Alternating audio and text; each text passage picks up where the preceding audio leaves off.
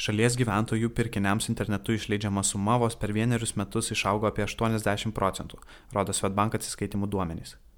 O per aktyviausią pagal apsipirkimus gruodžio mėnesį pernai buvo pagerinti ir ankstesnių metų rekordai.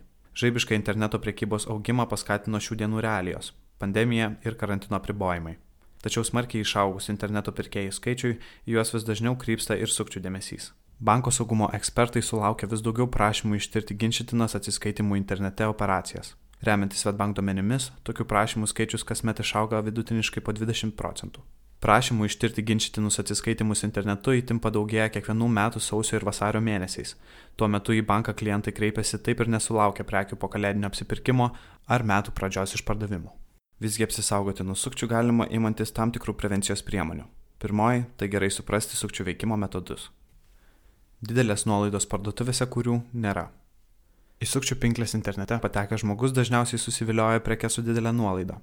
Skubėdami pasinaudoti gerų kainos pasiūlymų pirkėjai atidžiai nepatikrina informacijos apie prekybininką ir taip užkimba ant sukčių jauko.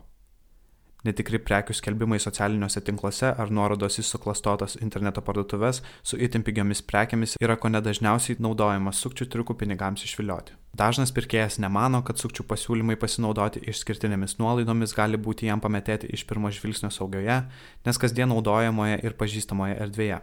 Pavyzdžiui, populiariuose bendravimo ir socialinių tinklų platformose, naujienų portaluose. Kad sukčiai pasitelkia įvairiausių būdų atkreipti pirkėjų dėmesį, parodo ir garsių žmonių identiteto vagystės. Kaip nepatikėsi gerų pasiūlymų, jei iš televizijos ekrano gerai pažįstamas veidas tikina, jog pats naudoja tą produktą ir yra labai jo patenkintas. Tačiau tai elementari apgavystė, kuri dėja dažnai suveikia. Kai kortelės ima mokėti pačios. Pasitaiko ir tokių atvejų, kai sukčiai pavagia kortelės duomenys ir juos panaudoja praėjus tam tikram laikui. Tokiu atveju apsipirkus netikroje parduotuvėje prekė pirkėjų nepristatoma ir pinigai nėra nuskaičiuojami, tad pirkėjų įtarimų nekyla.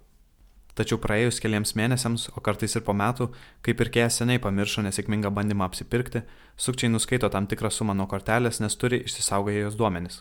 Jei nuskaitoma suma nedidelė, žmogus ją gali pastebėti ne iš karto, o reguliarūs nuskaitimai tęstis dar kurį laiką ir taip didinti patirtų nuostolių sumą. Verta pastebėti, kad netikras interneto parduotuvės įkuriantys sukčiai stengiasi sukurti kuo labiau įprastą parduotuvės išvaizdą, kuri pirkėjams nekeltų įtarimų. Tam jie gali neteisėtai pasitelkti saugumo sertifikatus, kurie interneto naršyklėje rodys saugų interneto ryšį žyminčią spinelę, taip pat naudoti vartotojo sąsajas, kurios primena įprastą atsiskaitimo kortelę ar prisijungimą prie populiarios atsiskaitimo sistemos. Kaip padidinti saugumą apsiperkant internete? Apsisaugoti nuo sukčių internete pirmiausia padeda paties vartotojo atidumas.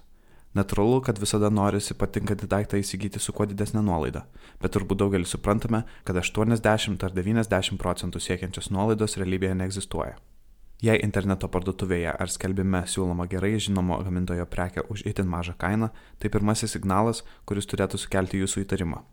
Antra, skirtingai negu realybėje, internete apsimesti ar imituoti dalykus yra kur kas paprasčiau. Prekybininkais apsimetantys sukčiai dažniausiai yra ištobulinę gebėjimą tiek apsimesti kitais asmenimis, tiek sukurti įtikinamai atrodančias prekių ar paslaugų svetaines. Todėl prieš planuodami apsipirkti nežinomoje interneto parduotuvėje pirmą kartą, gerai atlikite namų darbus ir jokių būdų neskubėkite atsiskaityti. Visų pirma, patikrinkite tos elektroninės parduotuvės domeno įkūrimo datą, paieškokite kitų vartotojų atsiliepimų apie ją, išnagrinėkite siūlomas atsiskaitimo, pristatymo, prekių gražinimo sąlygas. Trečias patarimas - savo mokėjimo kortelėje būtina aktyvuoti saugaus atsiskaitimo internete funkciją, kurią siūlo daugelis finansų institucijų. Taip pat aktyvuokite nemokamų pranešimų funkciją savo telefone, taip matysite bet kokį lėšų judėjimą savo sąskaitose ir lengviau pastebėsite įtartinus mokėjimus kortele, jei tokių atsirastų. Pabaigai, viena gera žinia perkantiems internetu.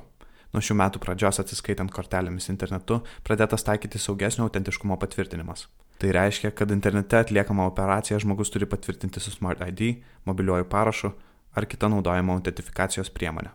Ši visoje ES įsigalėjusi priemonė padidins atsiskaitimų saugumą internete ir gerokai apribos sukčių galimybės neteisėtai pasinaudoti kortelės duomenimis.